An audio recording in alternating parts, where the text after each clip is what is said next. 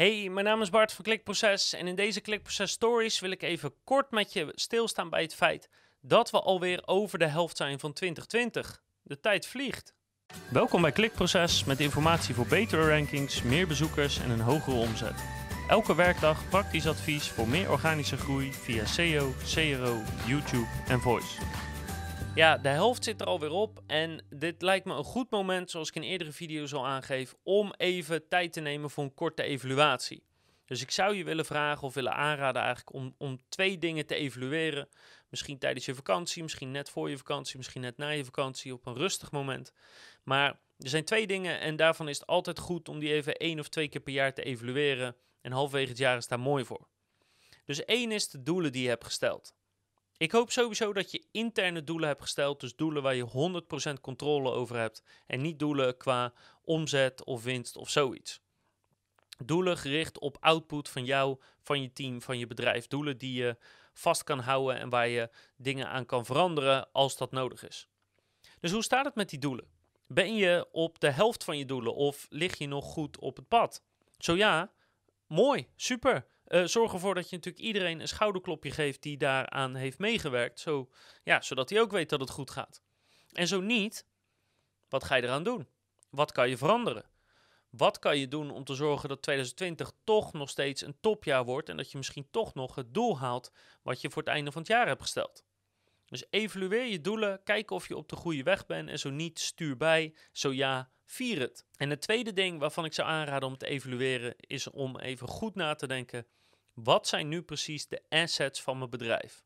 Wat zijn nou de dingen die geld opleveren of waarvoor mensen naar je toe komen of waar, waarvoor mensen vanuit een concurrent overstappen naar jou? Wat zijn nou de dingen die echt heel waardevol zijn en benut je die wel genoeg? Weet je, kan je daar nog op verder bouwen?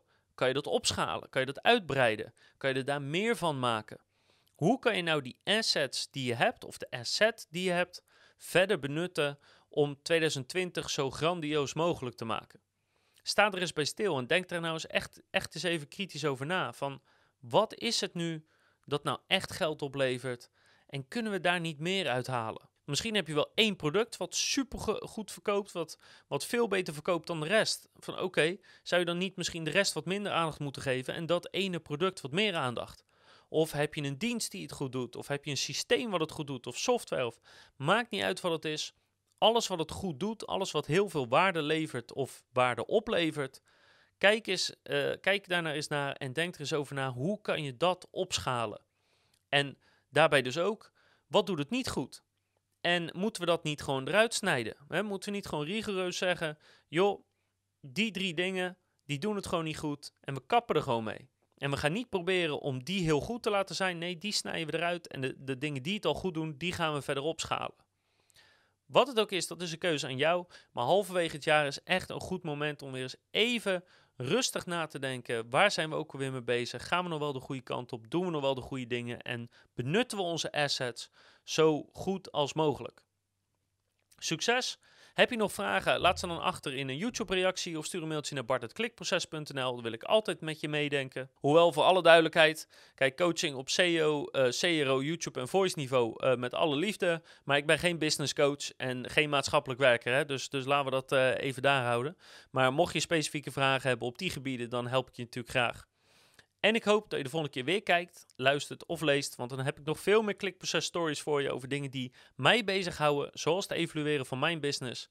En natuurlijk advies over SEO, YouTube, uh, voice en conversieoptimalisatie.